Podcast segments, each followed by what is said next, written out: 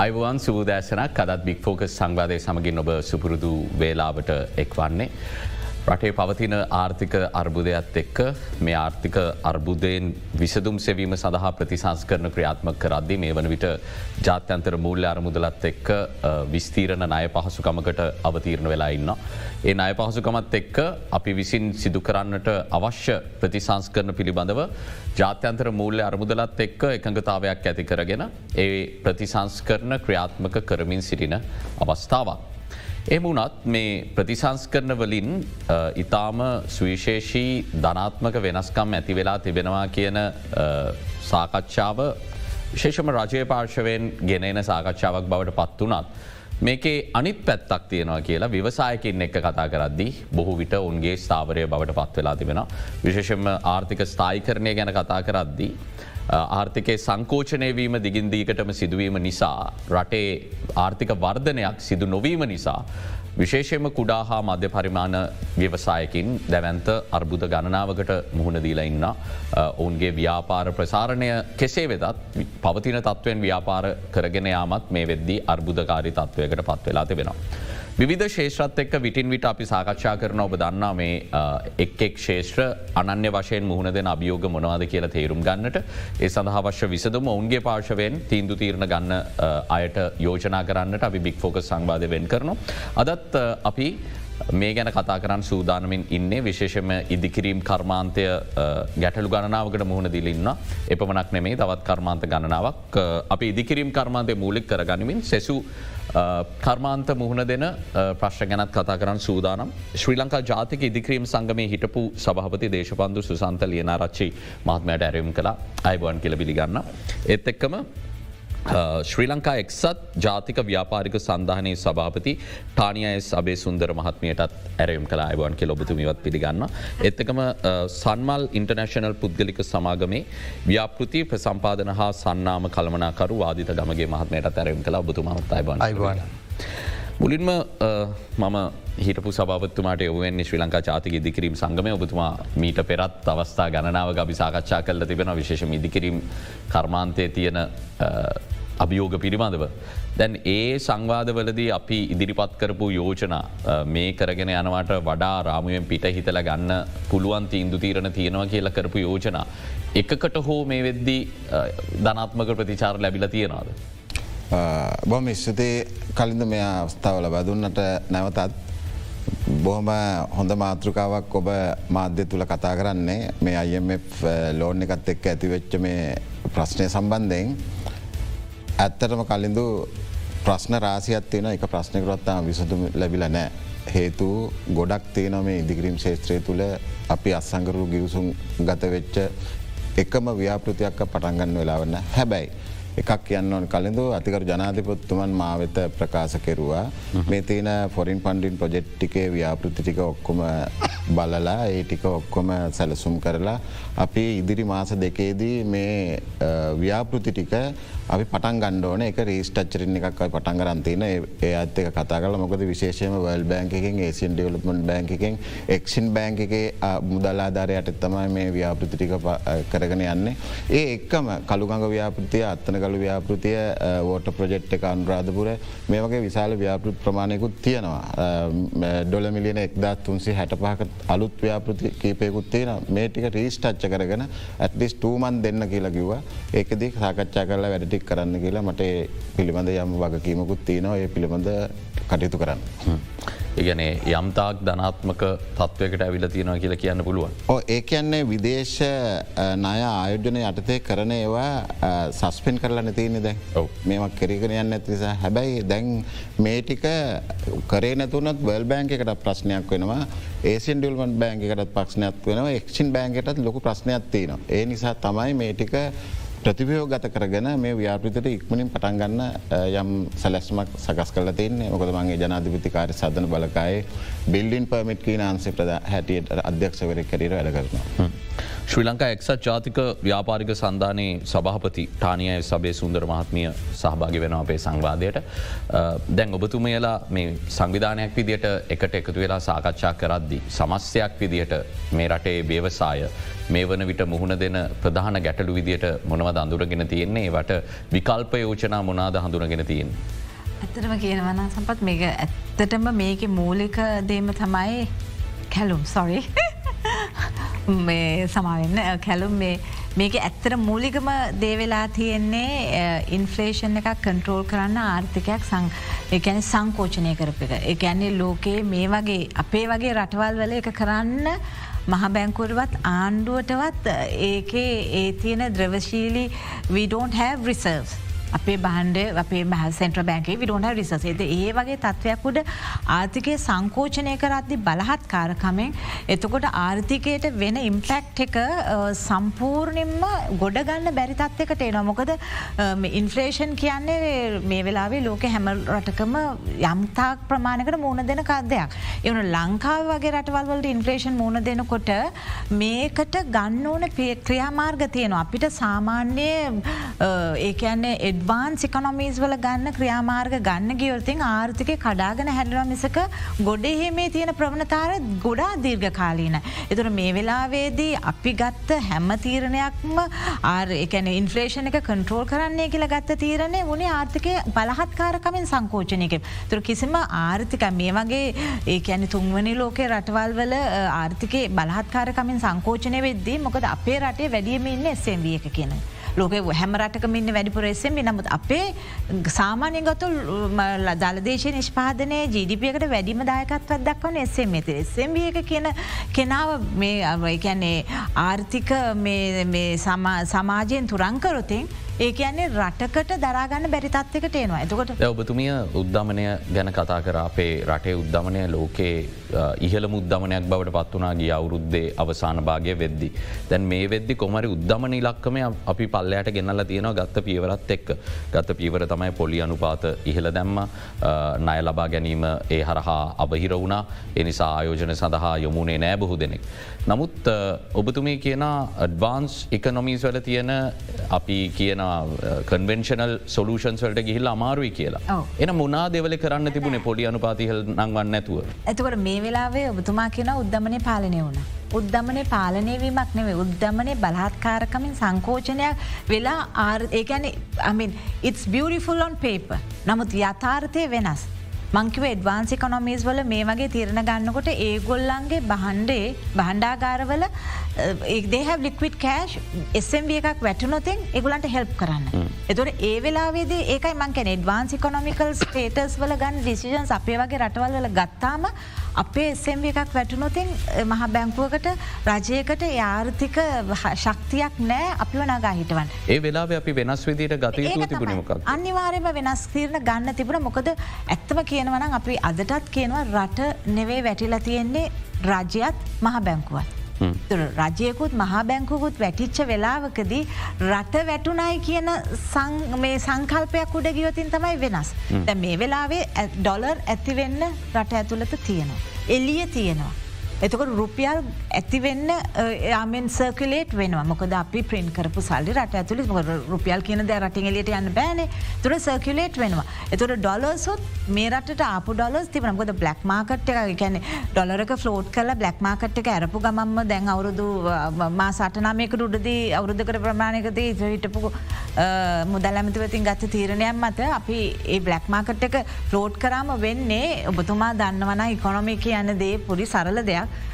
බ්ලෝට්ටුනාම black market එක open කරාම ඒගුලන්ට අයිතියක් තියෙනවා තමන්ට ඕන ගානකට ඩොලර එක මුදාහරින්න. එතකොට අපේ වැඩිහරයක්ම අපි එන්න පිටරටින් සල්ලියෙන්නේ.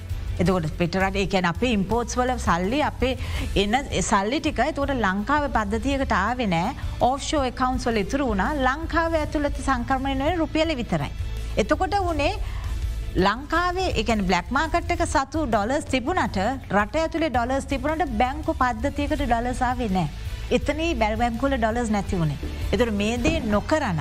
මේ වගේ තීරණ නොගත් තනං මේ වගේ දේවල් හින්ද තමයි ආර්ථිකය බලහත්කාරකමින් සංකෝචනය කර අද සාර්සය සංකෝචනය කිරීමේදී සීයට හතලියකට එහා එස්සම්වියක එෆෙක්් වෙලා සීයට විදි ඔබතුමී කියවිදිට කලු වෙනද ොල එමනතම් බ්ලක් මාකට්ක තිබ ඩොල බැංකු පද්ධතිය තුළට ගෙන්වා ගන්නට ගත්ත ක්‍රියාමාර්ගත් එක්ක එකඟ වෙන්න බැහිද පසුගිය අවුරුදු අවුරුද්ධ තුළ. දැන් අපි අපි ඒක ලිකිතව අපි ඇත්තටම මහ බැංකු ඇධපතිතුමාටද ජනාධිපතිතුමාට අපි කිව්වා.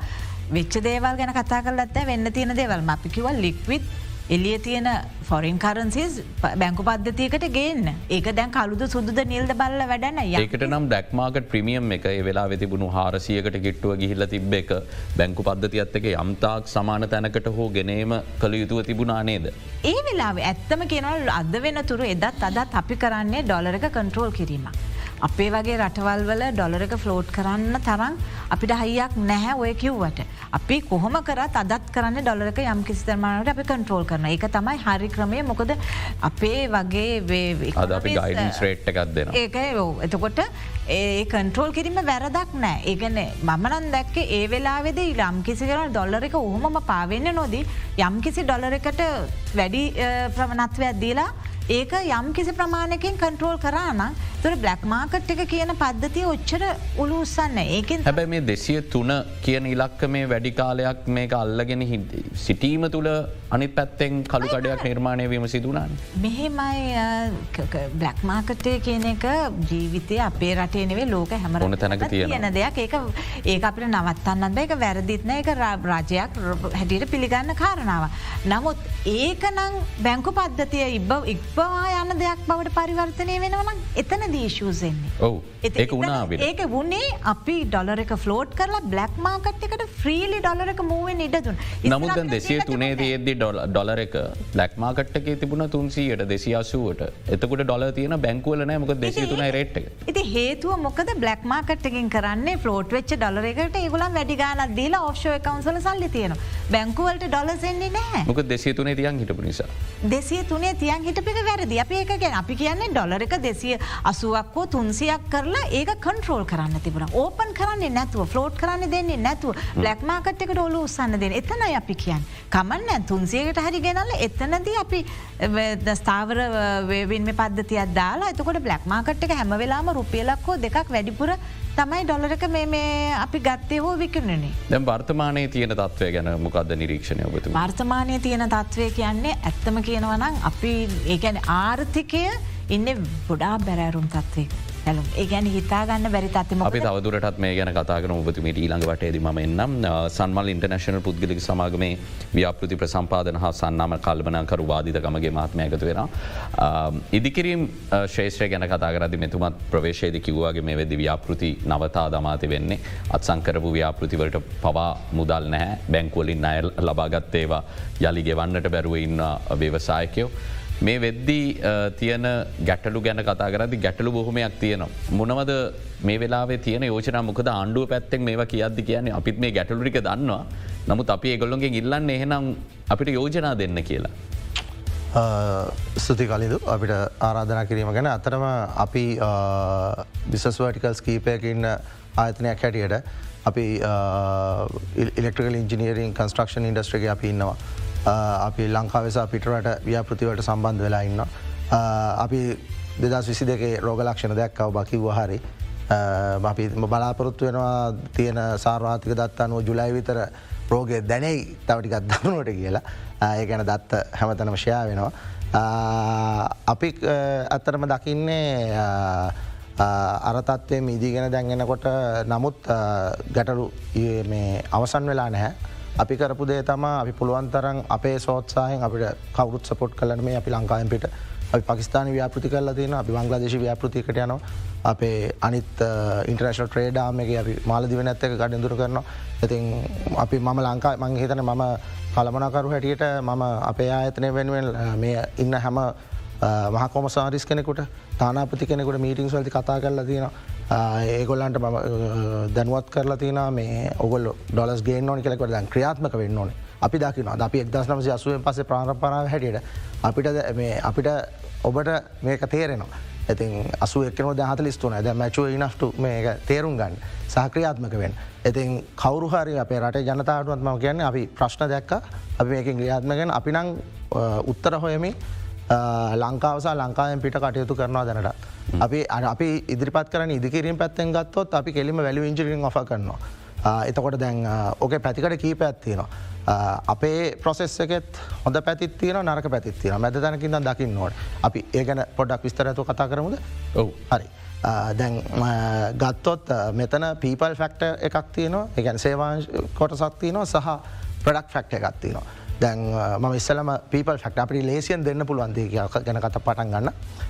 එතැන්දී අපි දකින දෙයක් තම ව්‍යාපෘතියක් දැක්කහම ජාත්‍යන්තර ව්‍යාපෘතිනෙමේ ලංකාවේ කොමර්ශල් ඇන් ඉන්ඩස්ට්‍රිය කර්මාන්තසා වානිජ ව්‍යාපෘති බිල්ඩිං ගොඩනැගලි වැලදි අපි විශෂෙන් ඉලෙක්ට්‍රිකල් මිකනිකල් පැත්තගත්ත සිවිල්ල එකනවා electrical mechanical mechanical AC gas ඉටස plumbing එනවා ඒල්වියනවා ඔය කටස් වලදී ඉලෙක්ට්‍රිකල් එක ඇතරම නොසලකාහරන තත්වතන යා සමහරට බිල්ඩින්න එකට ඉන්වස් කරගෙන තින්න පාරයන කොටත් දකිනවා ස්ට්‍රක්චර්ස් තියනවා.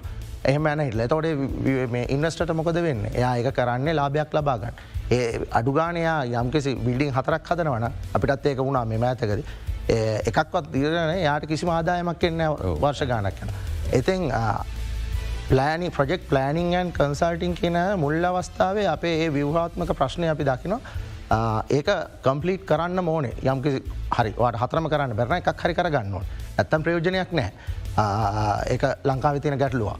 ඊළඟට තමා අපේ ලංකාවේ දැන් අපේ ලිටරිසිරේට් එකත් එක්ක උගත්කම මේ සාක්ෂරතාවත් එක්ක අපේ පුහුණු ශ්‍රමිකයන්ගේ අඩුහැන ගැටලුවත් තියෙනවා. හේතුව ඒක ඉන්ඩස්ට්‍රියක ගැන තින පර්සෙප්ෂණ එකත් වෙන්න පුළුවන්.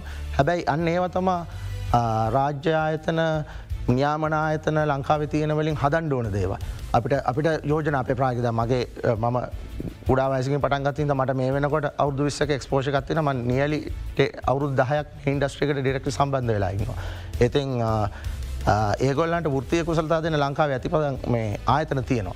එතකොට ඒ ආයතන වලින් ෘතිය කුසල්තාදීල ලංකාව එතනිනුත් ආයි ඇති වෙන එලියට එන ශිෂ්‍යයට නැත්තං ඇපරෙන්ටිස්ට මම කර්මාන්ත ශාලාවකට යනවාද මේ ඉන්ඩස්ට්‍රිකට සම්බන්ධනවාද. මොකද එතනත් අපි ස්ටන්ඩඩ්ස් කොලිටි මේන්ටේන් කරන්න නැති නිසා මේ අරය රැකයා බලාපොරොත්තු වෙනගෙන කර්මාන්ත ශාලාකෝ පිටට දිහා බලනවා.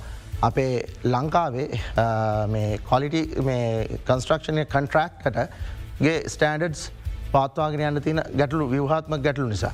අපිට එතනින් ගන්න පුළන් ඒක නිසා අපිට අපේ අයට කවදාවත් ගිහිල්ලා යම් යම් මම දන්න පුද්ගලි කට්ටියන්න අපේ මනජමන් හොඳයි කන්සල්ටන්ස් හොඳයි ප්‍රජෙක් මනජමට බට් අර ඊළඟ ග්‍රේඩ් එක ඉඳන්ගේ ටෝටල් ප්‍රජෙක්ටයක් ගන්න ඉන්ටර්නශනලි තියෙන අප කට ඇතරම නැහැ. අඩු සමහර රටවල් තියෙන අපි ගියපු සහකරපු නමුත් අපි ගත්තොත් යුවයි ඉතාම පහසුයි මෝඩි උසලත් එච්චර ලොකුවට නැහැ. ඒගොල් ගැන ඉන්වස්මට පාර්ටනශිපයක් එක ගියොත්ව තර ඇයිඒ වෙලා තියෙන්නේ? අර ඉස්කල්ඩ ලේබ කියන එක පුහුණු ශ්‍රමිකයෝ නෑ අපි ඉක්මනට අංකාව හදන්න පුළුවන්දේ අවුරුද් දෙක තුනක් තුළ කරන්න පුළුවන් ඉමිඩියට් ලෝල ලෙව ලවට්න කට්ටිල ශිෂ්‍යයන්ගේ. කරන්න පුළුවන් දේක. ඒක. ගේන්න ඕන. මොකද තාක්ෂණය කියන එක අපි ඒ ලෝකින් එක ICT විතරන්න මේ අපි බිඩි මනජමන් සිස්ටම එකට තෝඩිය මේද අපි අලුත්ලමයි දන්න අඩුයි. ඉතින් මම දැනුවත් කරන්න කැමති අපේ රටේ දෙමවපියෝ හැමෝටම මේ හැම ශ්‍රේෂත්‍රයටම තාක්ෂණිකාංශය සම්බන්ධ වෙන මේ අලුත් දේවල් තියන අපිට මේක මොකද අපිට ඩොලර්ගේන්න පුළුවන් විජස් විනිමය ගේන්න පුළුවන් ප්‍රධාන මේක. මේ ඉන්ඩස්ට්‍ර එකක් මේක. සහ එතකොට අපි ටුවර්සම් ඉන්ඩස්ට්‍රේක් ගැන කතා කන අප ටුවර්සම් ඉන්ඩස්ට්‍රික ප්‍රිසෝට්ස් විලාස් ඔක්කොම ටික ස්ටන්ඩයිස් කරල ගන්න. ආයි මේ කර්මාන්තයම තම උදව්වෙන් ඒ අපේ ජාත්‍යන්තර කරන්න පුල ලංකාව එක්දසමසේ හැටහය මේකට මේ ඔෆිසිලියන්ට වෙන්න ටුවර්සම් ඉන්ඩස්ට්‍රේක ඕඩිය එක්සම්සේ හැත්ත දෙකෙන්ට වෙන් අපි මේ ගැන කතා කරම. අනිටත් කතා කරන්න බොහෝද යෙන අපි කෙටි විරාමයකට යොමු විය යුතුයි. විරාමෙන් පසුව ඉක්මනින්ම යළිත් හමු වෙනවා සංවාධයක්ත් එක්.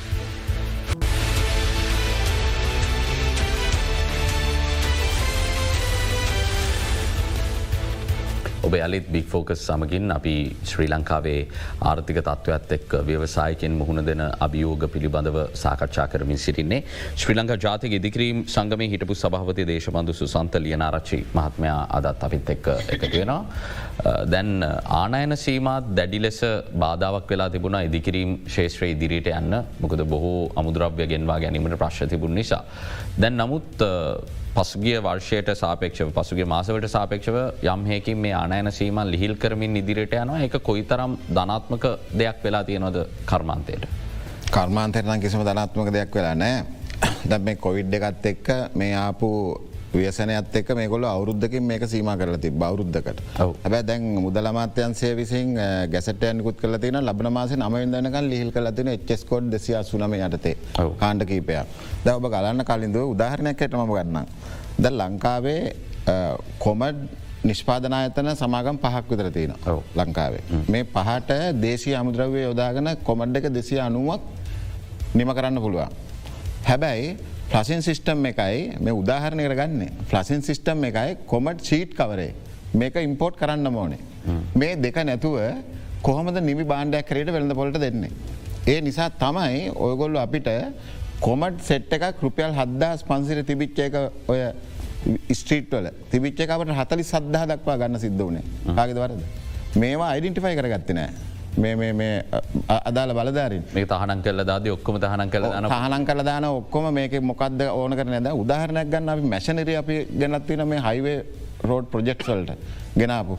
මේවල රෙපෑර එකක් කාපු හම මේ රෙපෑර සුළු නට්ට එකක් සුළු මැසින් අයිටම් එකක් ගේන්න. මේක ඉන්දියාවෙන් හරි ජර්මිනින් හරි ඕනි ගේන්න සම ගොඩක් දේවල් ජර්මිනය චයින ඉන්දියාවලින්. ගන්න ගන්න බැරුණා ඒක කොච්චර බලපා පෑවද මේ අවුරුද්ධ තුළ. හදාගන්න බැරුවයි ජාඩ්ඩල ගාඩ් කරලා මේවා කිසි දෙයක් මේකල අයිඩන්ටිෆයි කරගත්තන ඔහේ මේකොලොන්ට හිතුන තුනුදේ මේ කර. දැන් ඔබ හොඳ මාතෘකාවක්කව කලින් මේ ආර්ථිකය ඇයි මේ විදියට මේකොලොන්ට පාලනය කරගන්න බැරුණේ කියලා. ද ඔබ දන්නවා අද අපි ඉන්න තැන. දැ පෙරේද කියද ඩොලර එක ඊය ඩොලර එක කියකින් වැඩි වුණාද. ඊ අද කියද ගැනුම් මිල තුන්සේ දහයයියේ. ඉතින් මේ වගේ පොඩි ප්‍රශ්නයක් රටතුල තියන මොකද විදේශ ආධාර ගෙවන්න ඇතින ඩොලටික ඉක්ද වෙන සංචිත එනවා ඒවා ගෑස්වලටයි තෙල්වලටයි සෞඛ්‍ය ප්‍රශ්න විසඳන්න ගත්තහම මේ සංචිතමං හිතන විදියට බැලස් එකක් නැතුව ඔහේ යන ඇති කියලා මට හිතන ඉංසතම ඔප් එකක් ගෙවන්න ඔප් එකක් ගෙවන්න තියෙන බංගලාදේශ එතකොට දැන් අපි නය නොගවාපු ප්‍රමාණය කොච්චරද ඩොල ඩොල මිලියන හරදස් පන්සියක් විතර නය නොගේවා. දැන් අපි මේක ගෙවන්න ගත්තොත්. මේ ආනයනක වෙළඳපොල විවෘත කොරොත් මේ ඩොලර එකට මොකද වෙන්නේ. ලංකාවේ ඔබ දන්නවද ලංකාවේ මූල්‍ය ආයතන විසිතුනකට වැඩිතිගෙන මහබණ්ඩාගරය ලියාපදිංචි බැංකු. මේ බැංකුවල අද ගණුදනකරුවන් සියට තිහකට වඩා ප්‍රමාණයක් අඩු වෙලා තියෙනවා. බැංකු පද්ධතිය තුළ. මේ මිනිසු අඩුවමකක්දුවනේ බහන්ඩ සේව නිෂ්පාදනකට සුල්වා මධ්‍යින් පරමන් ව්‍යාපාරිකයා නගා සිටුවන්න වැඩ පිලෝලක් මේ අය ළඟ තිබුණ නෑ. ඒ නිසාතම මේකොල්ල ඇදගෙන වැටුනේ. හැබැ දැන් බහ බාණ්ඩාගාරයට මුදල් නැතුන හමකක්ද කරන්න? මහ බාණ්ඩාගාරසින් බාණ්ඩාගර බිල්පත් ඉසු කරනවා. මේ මහඩාගාර බිල්පත් ඉසු කරන්නේ කලින්තු කාටද? ප්‍රාථමක වෙළඳුන්ට. ප්‍රාථම වෙළඳු කියන කවුද? මහ බැංකුවේ ලියාපදිංච මූල්ල ආයතන. බැංකුටික දැන් මේකොලොට දෙන්න කියද මූනත වටනාකම රුපියල් සීයක් කියලා ගණනය කොරෝතින් රුපියල් හැත්ත පහට බාණ්ඩාගාර විල්පත් ඉශූ කරනවා. උපරිමේ අවුරුද්ධයින යන්නේ එක්කො දින දින අනුව එක එක්කො දින එකසි අසූ දෙකයි එක්කො දින තුන්සිය හැට පායි.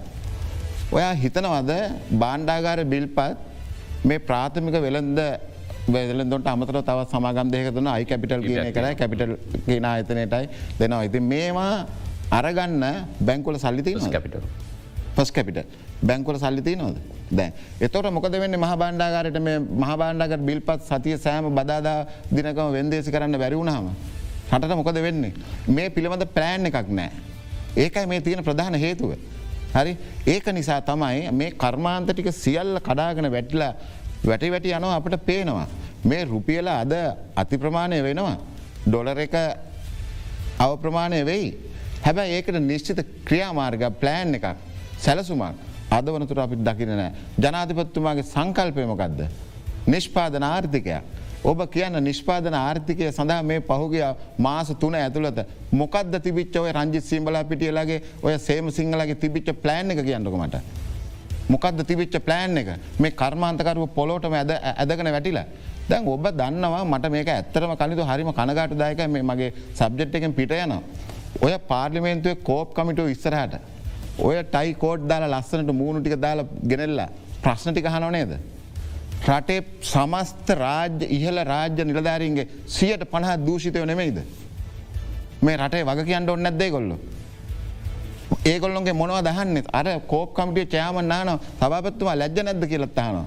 මංහන්න මේ ළමයින්ගේ ඉගෙන ගන්න දරුවත් කියන්නද මේ මිනිසුන්ට මේ රට නිසිමගට ගන්න අපේ තාත්ත මේ වැඩේ කරන්න ඕන කියලා. එහෙමොත් දැම් මේක හදන්න ඕනි කලින්දු. අපි මෙම හිර කරන තියන් හිට හරියන්න දැන් ටානියකුව දැන් ඕඩිය එකක් කරගෙන මිලියන පහලොක් ඕනික මාස පඩියවන්න. දැන් මේ ක්‍රමේ කාටද කියන්න අපි.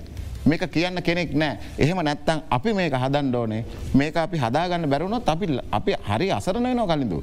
ඉස්සරහට මේ අපිට මොනොක්ක කරගන්න වෙන්නේ නෑ. හොඳයි. ශ්‍රී ළඟ එක්ෂ ජාතික ව්‍යාපාරික සන්ධානය සභාධිටානය සබේ සුන්දර මහත්මයටම යොමුවෙන්නේ ඔබතුමයකින් මං අන්තිමට අහපු ප්‍රශ්යම ඉදිරි කොටසට යොමුවෙන්න මං අපේක්ෂා කරන්නේ. මේ වෙද්දි මේ පේන හොඳයි කියලා හිතන එක යට වෙන අතාර්ථයක් තියෙනවා කියලා ඔබතුමිය සඳහන් කර. මං කැමති ඒ ගැන විමසන්න. ඇත්තටම මේ පේන අස්වැසිල්ල බොම කෙටිකාලින එකක් වෙන්න ඇයි කියලා. මෙහෙමයි ඔබතුමා දැන් හිතන්න ඕනේ මේක නිල්ලූෂන් එක ඉලූෂන් එකක් කියන්නේ තියෙනවයි කියලා තිබුණට ඇත්තටම නැහැ. දේ වගේ තමයි අද රටේ ආර්ථිකය ඔය උත්පාලනය විකරනවයි කියන උද්දමනේ ඕ ඩොලරේකටට ශාපේෂය රුපෙලියගේ වැඩිවීමක් කියන එකට මේ හැම දෙයක්ම ඉලූෂණ එක ඉලූෂණ එකක් වෙන්න හේතුව ඇවිල්ල අපි ගත්ත රජයක් විසින් මහබණ්ඩාගාරයක විසින් ගත්ත වැරදි තීරණ. අදටත් ඒ තියෙන තාමත් කරගෙන යනවා. එතකොට තාමත් ඇසැරෙන්නේ නැතිකොට මේ ආර්ථිකය ගහතනය වීමකට ලක්ව නොමිසක ඉදිරි දැක්මක් නෑ. ඉස්සලාම දැඟුම් ඔබතුමා දන්නව අපි පුනපුනා කියලා තියෙනවා රටක් ඉදිරියට යන්න නම් ඉම්පෝටි කොනොම එකක් වෙන්න බෑ එක්ස්පෝටික් කොන බෑ ඉන්ඩස්ට්‍රියල් එක්ස්පෝටි කොනමයකුත් බෑ. ඉන්ඩස්ට්‍රියල් ඉකනොමිකක් වෙන්න ඕන. ගැන ඉන්ඩස්ට්‍රිය එකක් ස්වයම් පෝෂණය වෙන තරමට තමයි එක්ස්පෝට් එකට යන්න අපිට අඩිතාලමත් දාන්නපු රට ඇතුළ ස්වම් පෝෂණයමට සාමාන්‍යයෙන් දැන් ගත්තාම සාමාන්‍යයෙන් දල වශයෙන් අපේ ඉම්පෝට් එක ඇවිල්ල 19 බිලියන් එක්ස්පෝට් එක 12 බිලියන්. එතුර ඒ 8 බිලියන් 10 බිලියන් හැම වෙලාවේම අපි කව කරගන්න අපි කරේ අය ගැනීම. ඩෙෆිෂන්සියක කව කරන්න එහෙම. එතුට මේකෙන් නිකම් බලන්න සාපේක්ෂද කඩල බැලුවතින් අපේ ලොකුම ඉම්පෝට් සල්ලි රටටාවේ ඇගුලුම් ශේත්‍රයේ එදුර අම සමස්තයක් වශයෙන් ගතුව බිලියන ඩොල බිලියන පහක් විතර පහදශම පහක් වගේ පහිද හයදක් අය වගේ එනවා. එතකොට ඒවගේ තමයි ලෝකල් ඉන්ඩස්ට්‍රියක කියන්නේ තේහත් සමානව ලොකූ කර්තාවයක් කර අපි ඩොලර් බිලියන දෙකයි දශම පහක් පිටරට එලියට යනයක නැවැත්තුව. ඒ කියන්නේ ඒකත් රට ඇතුට ගෙන්වීම. ඊට පස්සේ අපි තේ ඉන්ඩස්ට්‍රිය ගත්තුව 2.6 මිලියන් බිලියන් මිලියන් එතකොට අපි අයිට ඉන්ඩස්ට්‍රේ ගත 1.5 බිලියන් විතර. එතකොට අපිට කැන් පිටරට රකයා කරනයගේ මුදල්ලෙනවා 6 මිලියන් 600 මිලියන්. එතුර වෙනත් නිශ්මාකට එක කියලා 2.5 බිලියන් විතර තමයි එක්ස්පෝට් ඒකන් නිශ්මාකට්ය කියන ඉන්ඩස්ට්‍රී 100 මිලියන් කියන මන්ත්ලි මන්ත්‍රි මන්ත්‍රිය ඔතන 2.5 බිලියන් වගේ. එතකොට මේ නිශ්මාකට් එක මේක තමයි ඉන්ඩස්ට්‍රීස් ටික මේ ඉන්ඩස්ට්‍රීස් ගැන අපි අපි හැමෝම මේ මාකට් එක ඇතරමකොද අපි වුණත් දේශය නිෂ්පාදනකරු හැටියට මේ අපේ අයත් ගැංගුලුම් ශේත්‍රය වුණත් ඉම්පෝට් එකට යන්නේ සුළු ප්‍රමාණයයි. ඒ වගේ හැම්ම දේශය නිෂ්පාදනකරුවන්ගේම එක්ස්පෝට් වෙන්න සුළු ප්‍රමාණය. මොකද හේතුව අපිට ලෝක මාකට් එක එක කම්පීට් කරන්න අමාරුයි මේ දැ මේ ගොලන් මේ කරන වැඩ හින්ද මේ ඩොලරක වැඩිවීම ඒකම බාණ්ඩ තහනන් කිරීමේද එච්චස්කෝඩ් වෙවල මේ හන්න පැනපු එච්චස්කෝඩ්ස් තියෙන්. එතුර මේ එච්චස්කෝඩ්ස් වලට සමහරක් වෙලාට ගොලන් දාලා තියෙන දේවල් ආදියකැන ඇඳුම යටතේ බට්න එකත් ඇදලා.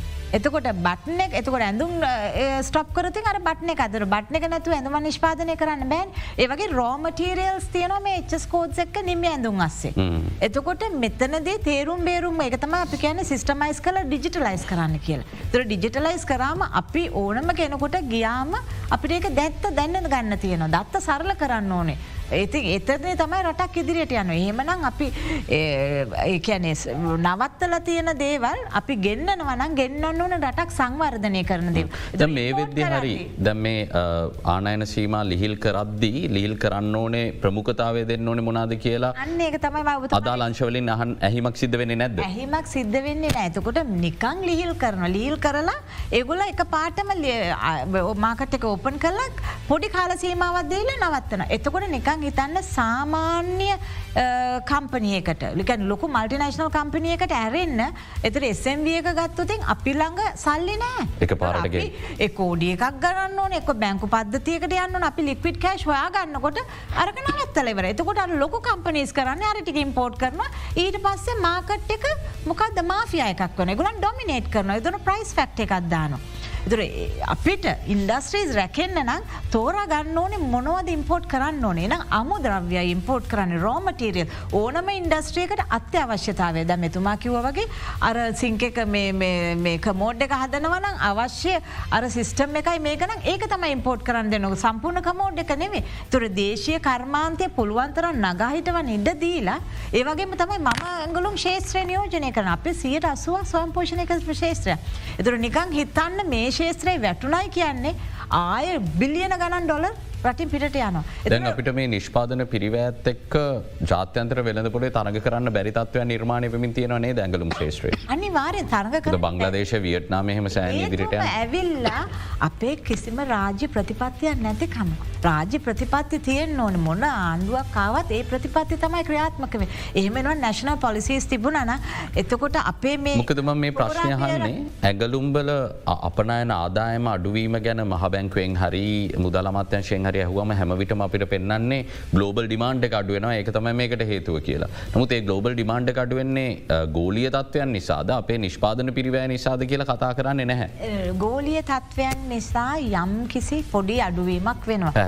ඒකම නෙවේ මෙතනේශුවක අපිට මාකටයත් එක කම්පීට් කරන්න බෑ. අපේ ඩොල ෆලක්ෂවේෂණ එකත් එක්ක අපේ ලේබ ලෝස් එක්ක අපේ තියෙන එකොනොමිකල් පොලිසිස් එක්ක අපිට මේ වෙලාවේදී ඉම්පෝට් එකක් කරන්න තරන් අපිට ඒ වාතාවරණය නැතිකම අපි කම්පිටිෂන් එකින් යම් අයින් වෙනවා.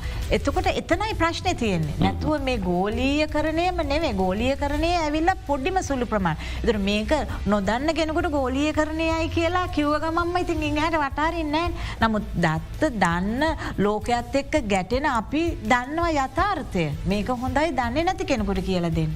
ද ලෝකයක් කියන්නේ මේ රටක් විතරන්නෙවේ.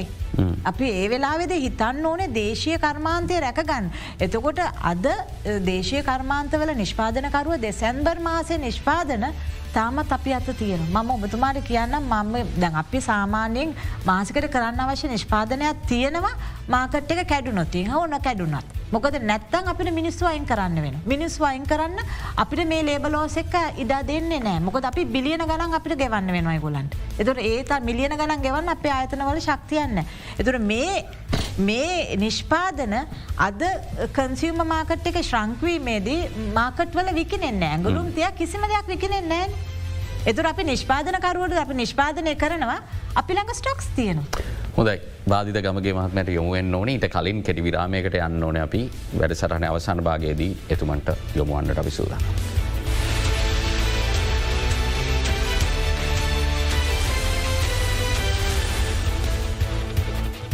නැවතත් බික් ෆෝකස් සමගින් වාදිත ගමගේ මහත්ම අවසාන කොටසෙන්න අපි සංවාදය ඔබතුමාත් මේ කර්මාන්ත නගා සිටුවීම් පිළිබඳව කතා කර මංහිත නිවර කරපු තැනින් පටන් ගන්න මං යලිත් අවසාද.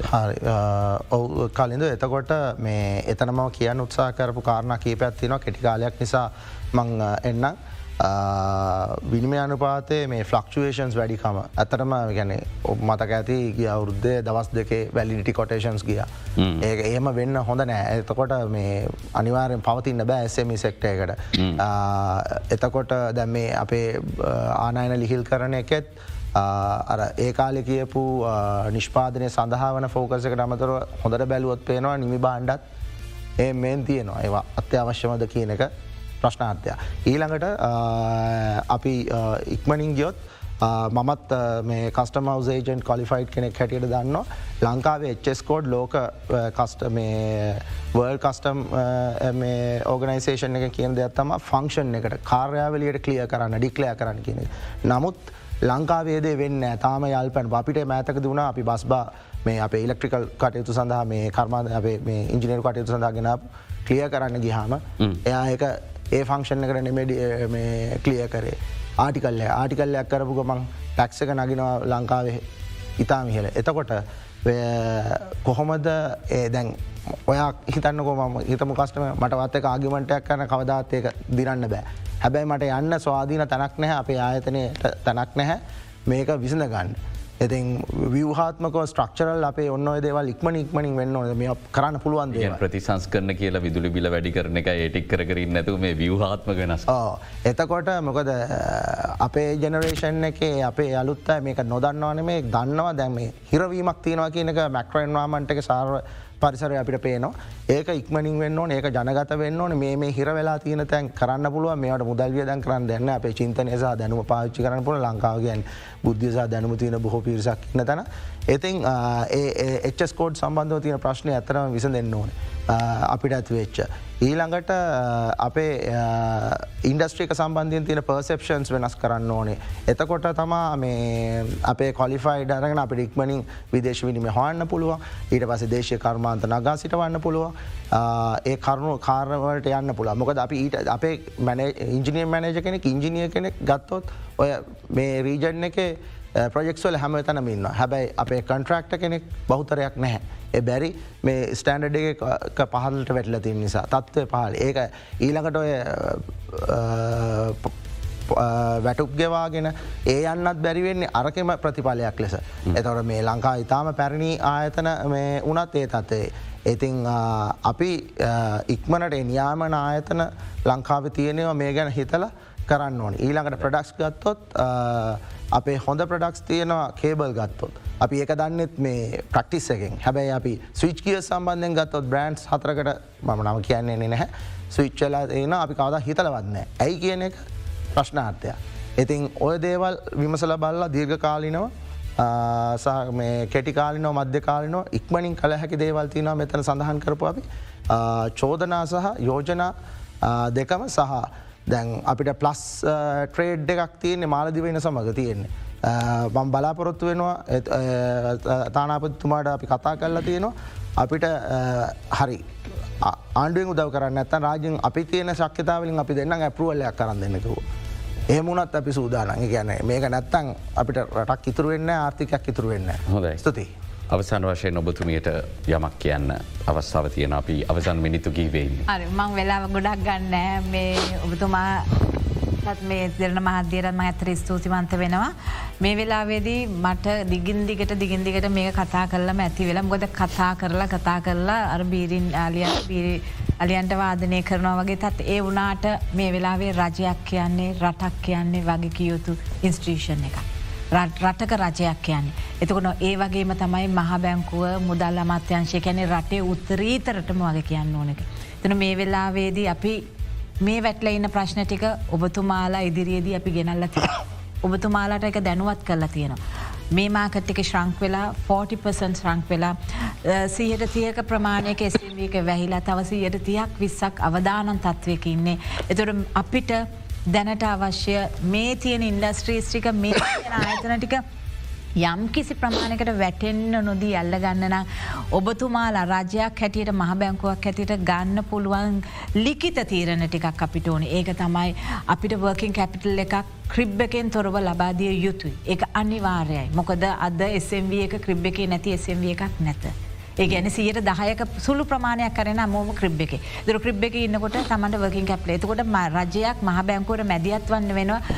ආයත නිවලුවේට කරන්න අපි දීර්ඝ කාලී නැව අවුදු එකා මාරකට. ඉවලුවේට කරලා බලලා මැක්සිම වන්න වනාෆියස්ට ය වලුවේට් කරල බලලා බැංකුවකට අනිවාරයෙන් ලිකිත සර්කලේෂනයක් යවන්න ඕනේ. ගොලට වකින් කැප්ටල් ලබා දෙන්න කියන එකත් ඒකම ඉන්ට්‍රස් කම්පෝනන් වහ වහ පරිදි අඩුවෙන්න ඕනේ. අඩුම ගානේ වන්ඩිජිත් කරන්න බැරිනම් ආසන්න ප්‍රමාණයක්ත් එකොළහත් දහතුනත් අතර.